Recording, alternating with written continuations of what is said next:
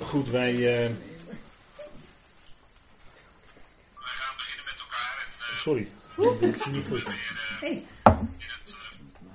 Nou, dat kan je ook doen. Ja. Doen? Ik weet niet wat ik doe, maar het doet niet goed. Zo.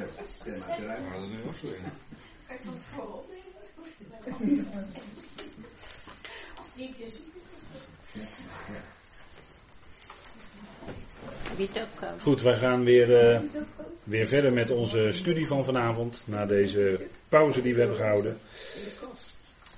En we hebben nagedacht over uh, rechtvaardiging. En we gaan met elkaar weer een stapje verder in onze tekst. Kijk, leven uit genade betekent vrijheid in Christus. En dat was bij die gelaten in het geding. Hè? Daar, vandaar dat Paulus uh, in gelaten 5 zegt. Staat dan in de vrijheid waarmee Christus jullie vrijgemaakt heeft. En laat u niet weer een slavenjuk opleggen. Dus ga niet opnieuw onder uh, de wet hè, leven. Dat is uh, niet echt de bedoeling, zegt Paulus in de gelaten brief. Dat, is, dat was het gevaar, hè, dat die gelaten weer onder de wet zouden gaan leven. En daar was natuurlijk dat wat Petrus deed een symptoom van.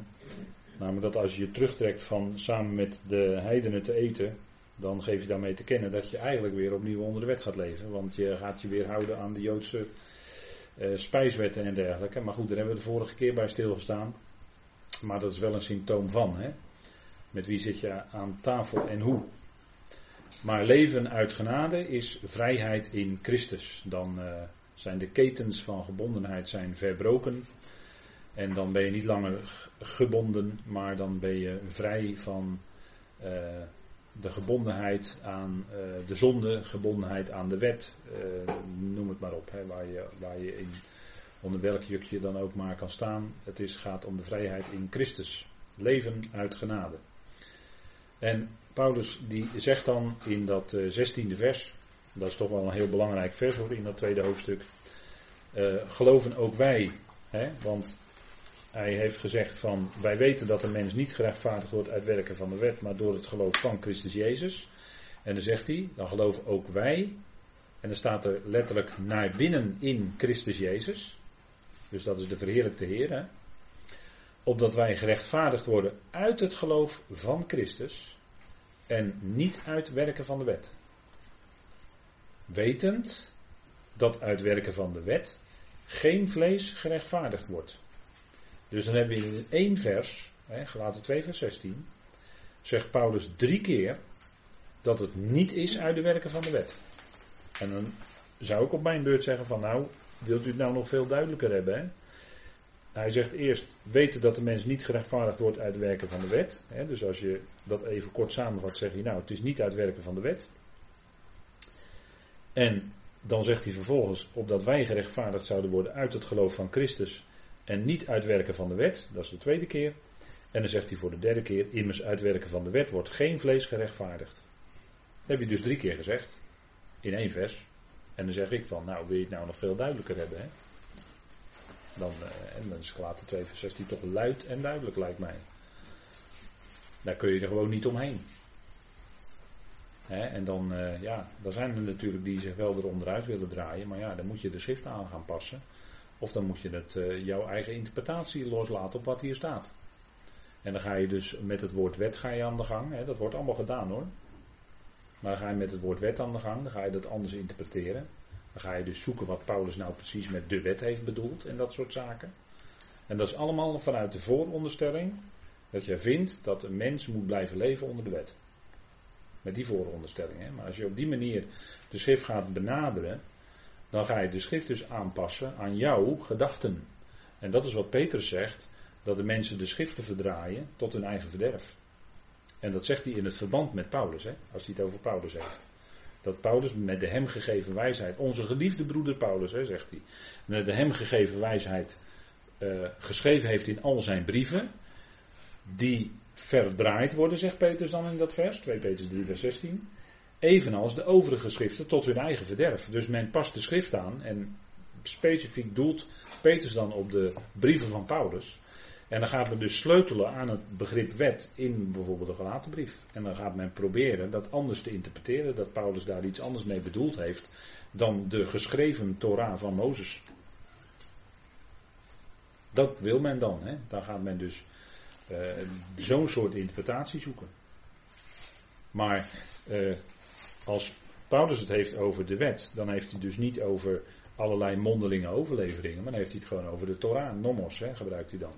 Als het heeft over de wet, is het de vijf boeken, geschreven boeken van Mozes. Daar gaat het dan om. En in het bijzonder dan al die voorschriften die aan Israël gegeven waren. En dan gaat het dus niet om de mondelinge Torah, want er is ook een mondelinge traditie. Die op een gegeven moment zijn neerslag heeft gevonden in de Talmud, dat heb ik wel eens vaker gezegd. In de Mishnah enzovoort. Hè. En de Gemara en noem maar op, hè, de Talmud. Uh, en daar krijg je dan allerlei uh, afleidingen van, hoe, hoe, ze dan de Shabbat moeten vieren en uh, noem maar op, tot in de kleinste details van het leven aan toe. Staat allemaal voorgeschreven. En dan Rabbi zus en zus heeft gezegd zo en zo. En Rabbi die en die heeft dan weer daar wat anders op gezegd. En, enzovoort enzovoort. Hè. Zo gaat dat dan hè, in die Talmud. Maar dat is allemaal niet van belang. Het gaat om de schrift. En kijk, die, als, als, als, als ze naar de yeshiva gaan, dan is dat een Talmudschool. Dat is niet om de, om de, om de Tanach te bestuderen, maar dat is om de Talmud te bestuderen. Dat is een Talmudschool. Maar ze zouden die hele Talmud weg moeten laten. En ze zouden de schriften moeten bestuderen. En dan kijken van wie de schriften spreken. Zo, hè? Dan zouden ze misschien. Maar goed, zo is het niet. Ze zijn verblind. En uitwerken van de wet, nou, dat is gewoon de werken dus van de Torah. Die de Jood dan meent te doen en dan uh, allerlei andere voorschriften erbij, dat weet ik wel. Maar het gaat om, om de kern van de zaak. Want als bijvoorbeeld Paulus zegt hè, in Galaten 4, als hij dan aan die Galaten vraagt, jullie die onder de wet willen zijn, horen jullie de wet niet? En dan haalt hij Genesis aan. Dus als hij dan spreekt over de wet, gaat het om, om de geschreven boeken van Mozes. Die aan Mozes, die door Mozes geredigeerd zijn. Want Genesis is niet geschreven door Mozes. Maar is door Mozes als redacteur samengevoegd. Maar Genesis was er al. Dat was allemaal op kleitablet al geschreven. maar dat is alleen maar samengevoegd. Er is uitgebreide documentatie over. Maar dan gaat het dus om die vijf boeken, die eerste vijf boeken, hè, wat men altijd dan noemt de Torah. Dus als Paulus dat zegt, jullie die onder de Torah, onder de wet willen zijn, horen jullie de wet niet? En dan komt hij dus met die typologie van Sarah en van Hagar en Ismaël enzovoort. Met die typologie komt hij dan. Dus hij spreekt dan over die vijf boeken. Genesis in dit geval. Hij had het kunnen, ook nog aan kunnen vullen met allerlei andere illustraties. Dus als Paulus het heeft over de wet in de gelaten brief. Als er verder niks bij staat, gaat het gewoon om die vijf boeken. En als hij het anders bedoelt, hè, soms spreekt hij over zijn voorvaderlijke overleveringen, ja, dan zou je misschien kunnen denken aan die mondelinge Torah, waar ze ook zo ijverig voor zijn. Maar dan zijn het ook tradities die apart genoemd worden. Dus dat wordt gedaan, hè? Het is maar even dat u het weet. Maar hier gaat het dus duidelijk om die rechtvaardiging. En dan zegt hij, nou, geloven ook wij naar binnen in Christus Jezus. Efeze 1, vers 1 zegt dat wij gelovigen zijn in Christus Jezus. Hè? Wij als gelovigen zijn in Christus Jezus. Niet in Jezus Christus, maar in Christus Jezus. Dat is een belangrijk verschil. Want bij in Christus Jezus gaat het om de verheerlijkte Heer. Die aan de rechterhand van de Vader is. Waar wij ook onze plaats hebben. En in Jezus Christus gaat het om Jezus de Messias. Die straks zijn Messiaanse rijk op aarde zal oprichten. Die op aarde was. Daar gaat het om. Heel belangrijk verschil hè. Dus als daar hier dan staat in Galaten 2, geloven ook wij naar binnen Christus Jezus, dan is het dus duidend op die verheerlijkte Heer. Daar gaat het om. Begrijpt u? En dat zijn belangrijke facetten hoor. En dan zegt hij opdat wij gerechtvaardigd worden uit het geloof van Christus. En dan ben je vrij. Als je gerechtvaardigd bent, ben je ook vrij. Dan heb je, ben je volledig onbeschuldigbaar. Dan is er geen veroordeling meer mogelijk. Want dat zegt Paulus in Romeinen 8. Hè. Er is geen veroordeling voor hen die in Christus Jezus zijn. Dus er is geen veroordeling meer mogelijk. Later in Romeinen 8 zegt hij: Wie zal uitverkorenen van God beschuldigen? Nou, niemand, want dat is eigenlijk rechtvaardig, het is niet mogelijk. je kijkt dan rond in het heelal, wie zou dat kunnen doen? Nou, niemand, want je bent gerechtvaardigd, je bent vrij. Dus er is geen beschuldiging, geen enkele beschuldiging meer mogelijk. En het is door het geloof van Christus. Hè, dat is eh, luid en duidelijk. Als je gewoon de tekst volgt, dan staat dat er gewoon zo. En kijk, dan werkt die genade van God dus. Hè, want daar gaat het om in die gelaten brief. Je hebt, eh, iemand heeft dat eh, wel leuke gedachte, wel aardig, vond ik op internet. Ergens op een eh, site waar ook veel over, op een goede manier over genade en alles wordt gesproken. Maar die had het over de magnietenkapel. Dat is als je onder de wet leeft. Dan mogen er ineens een heleboel dingen niet. Ziet u hoe negatief dat ook is, hè? Het mag niet allemaal, hè? En dan ben je dus voortdurend bezig met van, oh, op te letten van, oh, dit mag niet en ik mag dat niet doen en ik mag dat niet doen. Terwijl het juist in de genade andersom werkt van, je bent vrij, je staat vrij voor God. Je mag Vader elke dag danken en dan in die vrijheid leven. Dat is toch veel, ik zou bijna zeggen, ja, dat, dat wel. Het is niet al die magnieten, maar het is dat wel. Hè. Het is niet uitwerken de wet inderdaad, maar het is dus wel leven door genade. Hè? Leven door de geest. En dan hoef je het zelf niet te doen, maar dan is het die geest van God in je die het uitwerkt. Daar wijst Paulus ook op, in, later in de gelaten brief, in gelaten 5, daar gaat het om het werk van de geest. Hè? Dan gaat het niet om de werken van het vlees, want ja, dat is een, dat is een ellendige lange rij die de Paulus daar noemt, in, uh, in gelaten 5. Maar daartegenover zet hij wel de vrucht van de geest. Want de vrucht van de geest is liefde. En daar zit eigenlijk alles in wat dan nog volgt. Liefde, vreugde, vrede. Dat is de vrucht van de geest. Dat gaat groeien in je leven, in je geloofsleven, levend uit en door genade. Beseffen dat op die momenten dat, dat, dat, dat, dat wij beseffen, ja, nu ben ik toch tekortgeschoten. Die toch dan, dan weet je, ja, maar vader zal mij daarom niet veroordelen. En ik mag daaruit leren. Het is dan weer een leermoment. Hè? Dat zijn van die leermomentjes die God je geeft. Hè? Want sommige gelovigen vragen zich wel eens af: van ja, waarom neemt God nou die, zonde, hè, die mogelijkheid tot zondigen niet weg uit ons leven? Waarom neemt hij dat niet volledig weg? Nou, God laat soms dingen bewust in ons leven zitten, opdat we zouden beseffen, ja, maar wacht even, je bent wel van hem afhankelijk. En, en op momenten dat wij. Stel je voor dat wij dan mensen tot geloof zijn gekomen en we doen alles goed daarna. Dan zouden, toch, uh, ja, dan zouden we ons toch uh, beter gaan voelen. En dan, nou ja, op het moment dat je beter gaat voelen dan een ander, moet je nog afvragen of dat, uh, hè, of dat nou helemaal juist is. Maar dan, dan zou je toch beter gaan voelen dan een ander. Want ja, jij doet alles goed en die al die anderen maken nog fouten. Nee, maar zo is het niet. Wij schieten ook nog tekort. En daarom beseffen we elke keer, elke keer weer zo'n leermoment. Ja, vader, maar ik ben ook van u afhankelijk. En ik besef weer, ja, ik, probeer het even zelf, maar ja, dat ging dus niet. En ben van u afhankelijk. Wilt u het doen in mijn leven? Nou, en dan doet vader het ook. Nou, niet uitwerken van de wet dus, want dan ga je weer naar binnen kijken. Hè. Als je weer onder de wet gaat stellen, dan kom je al die dingen tegen, van uh, al die zaken. En Paulus die zegt ook, we, we hebben Timotheus gelezen, hè? want kijk, Paulus maakt tegen Timotheus ook een hele belangrijke opmerking in dat eerste hoofdstuk, dat vergat ik net nog, maar goed, we, we komen er nu dan op terug. Dat de wet is niet gesteld voor de rechtvaardigen, maar de wet is gesteld voor de onrechtvaardigen. En voor de zondaar. Maar de wet is niet gesteld voor de rechtvaardigen, zegt Paulus. Dus je kan die wet niet op rechtvaardigen leggen, zegt hij tegen Timotheus. Een opvolger. En dat is een belangrijk punt, hè. De wet is niet gesteld voor de rechtvaardigen. Want de wet zelf zei, je zult de rechtvaardigen ook rechtvaardig verklaren. Dat staat zelf in de wet. Deuteronomium 25. Je zult de rechtvaardige rechtvaardig verklaren en de onrechtvaardige ja, die, eh, die, is, uh, ja, die is niet rechtvaardig. Die is, uh, daar markeert wat aan. Dat zegt de wet zelf. Dus je kan de wet niet leggen op een rechtvaardige. Maar dat, dat, en dat, dat is dan het verbijsterende. Dat, dat mensen die uit de natie tot geloof komen. Dat die dan soms in een later stadium de wet erbij nemen, die eigenlijk alleen maar aan Israël gegeven was. En vervolgens die wet op zichzelf en op anderen ook nog gaan leggen. Want dat is verbijsterend. Dan ben je eind, eind uit de koers geraakt hoor, met je geschip van geloof.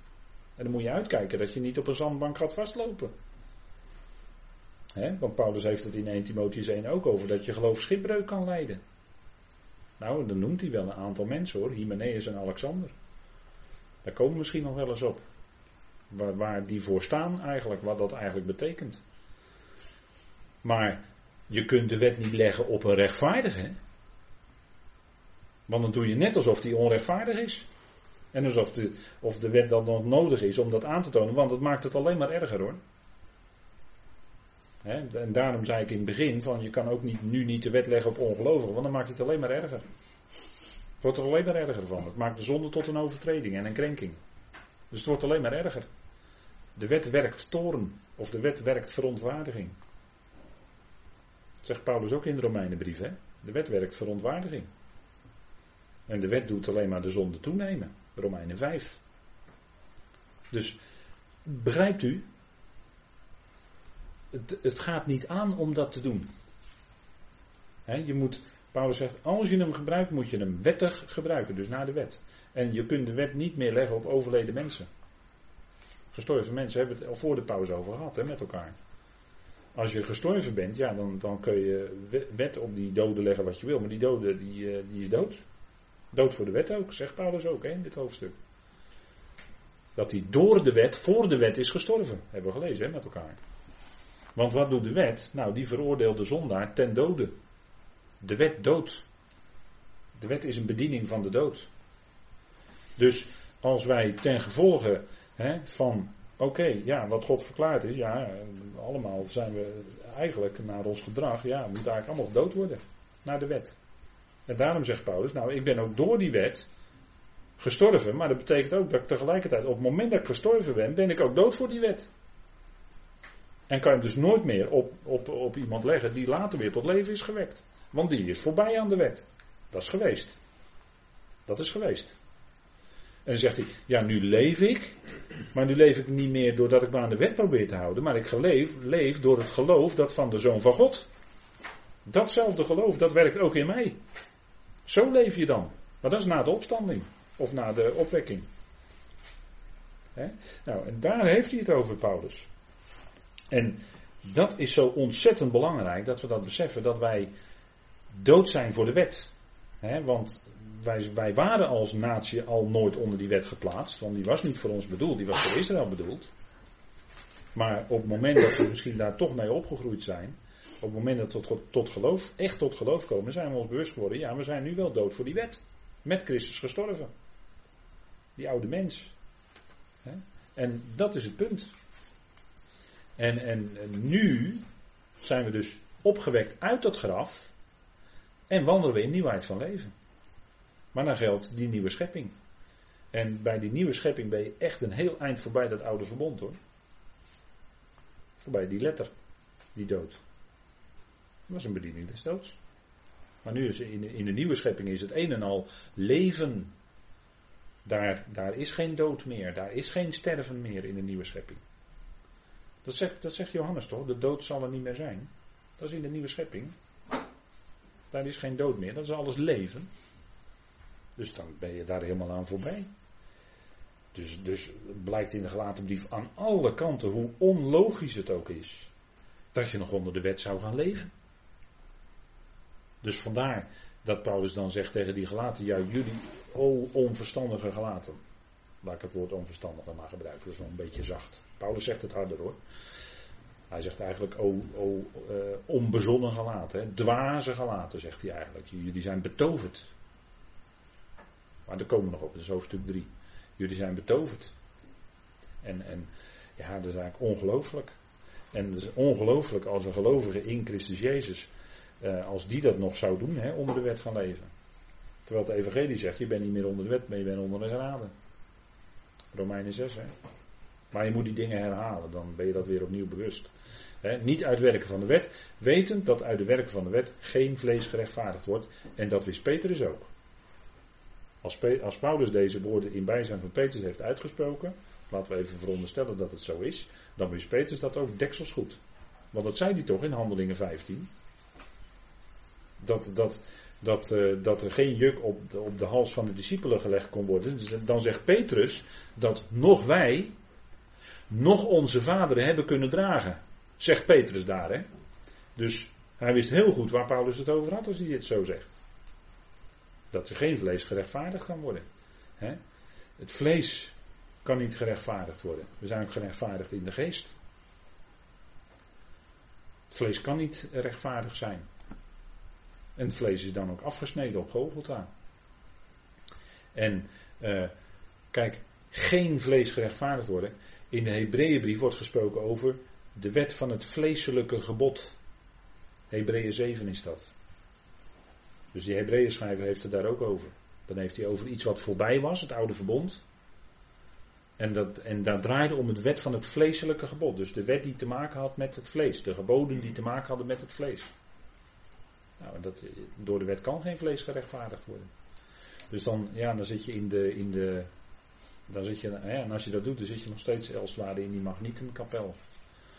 Maar in de genade van God, hè, als je daarin leeft, dan ben je uh, vrij en dan heb je geen gebondenheid aan. Hè, aan al die inzettingen die ooit op het vlees waren gelegd. En dan zegt Paulus in vers 17, als we het even met elkaar erbij pakken, vers 17.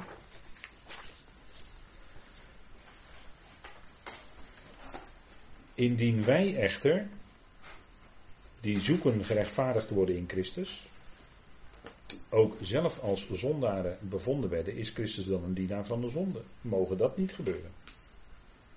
Want als je, je, je, je wilt in Christus, je, je wordt je bewust, ik ben in Christus gerechtvaardigd. He, bij echter die zoeken in Christus gerechtvaardigd te worden.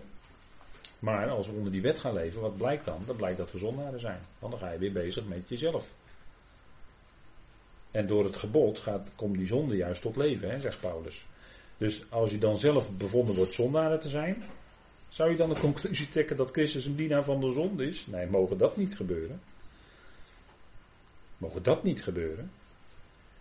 dus op het moment dat je je weer, gaat bezig, weer bezig zou gaan houden met wet, op welke manier dan ook, want je kan ook eigen regeltjes, dat gebeurt ook in gemeentes, er worden allerlei eigen regeltjes worden er gemaakt en dan moeten de gelovigen van de betreffende gemeente daaronder gaan leven, dat gebeurt ook allemaal. Maar dan ga je dus, en dan kom je jezelf dus tegen, want dan denk je, ja, nou ja, tekortgeschoten, een zondaar. En, uh, ja, uh, ja, maar je bent toch in Christus gerechtvaardigd. Is Christus dan een dienaar van de zonde? Nee, wel nee, natuurlijk niet. Mogen dat niet gebeuren? Hè? Mogen die niet tot, tot zulke dwaze conclusies komen? Het gaat erom gerechtvaardigd, ja, maar dan ben je ook vrij. Dan is daar niet meer die gebondenheid. En uh, wat, wat, want wat gebeurde, wat Petrus deed, hè, want in vers 18 staat, want, ik, want indien ik dit wat ik afbrak weer opbouw, beveel ik mijzelf aan als overtreder. Hè? Als je afbrak van, ja maar wacht eens even, het gaat niet om die werken van de wet. Dus dat hele gebeuren breek je af. En als je dan vervolgens toch weer onder die wet gaat leven, dan ga je dan toch weer opbouwen, want daar was Petrus ook een klein beetje mee bezig. Door toch weer zich terug te trekken van de natie met zijn eten. En eh, met andere woorden, ik wil alleen maar met Joden aan tafel gaan zitten, met mijn eigen volk. Dat betekent, ik wil toch weer onder de wet gaan leven. Dat zeg je daarmee in feite. Nou, als je dat dan doet, dan ga je dus weer opbouwen wat je eerder al had afgebroken. Petrus had een stukje bevrijding ervaren van wetticisme. En nu gaat hij dat toch weer opbouwen. En dan, wat, wat ben je dan? dan ben je zelf een overtreder geworden. Want dan ga je terugkomen op wat je, wat je hebt ingezien. stel je voor dat Paulus na al de vrijheid die hij had gepredikt. stel je nou voor dat Paulus weer was gaan prediken van je moet onder de wet gaan leven. Dan zou hij zelf een overtreder zijn. Want dan zou hij eh, dat wat hij had gepredikt, daar zou hij dwars tegen ingaan. Door ze weer onder de wet te brengen. Ja, dan word je zelf een overtreder.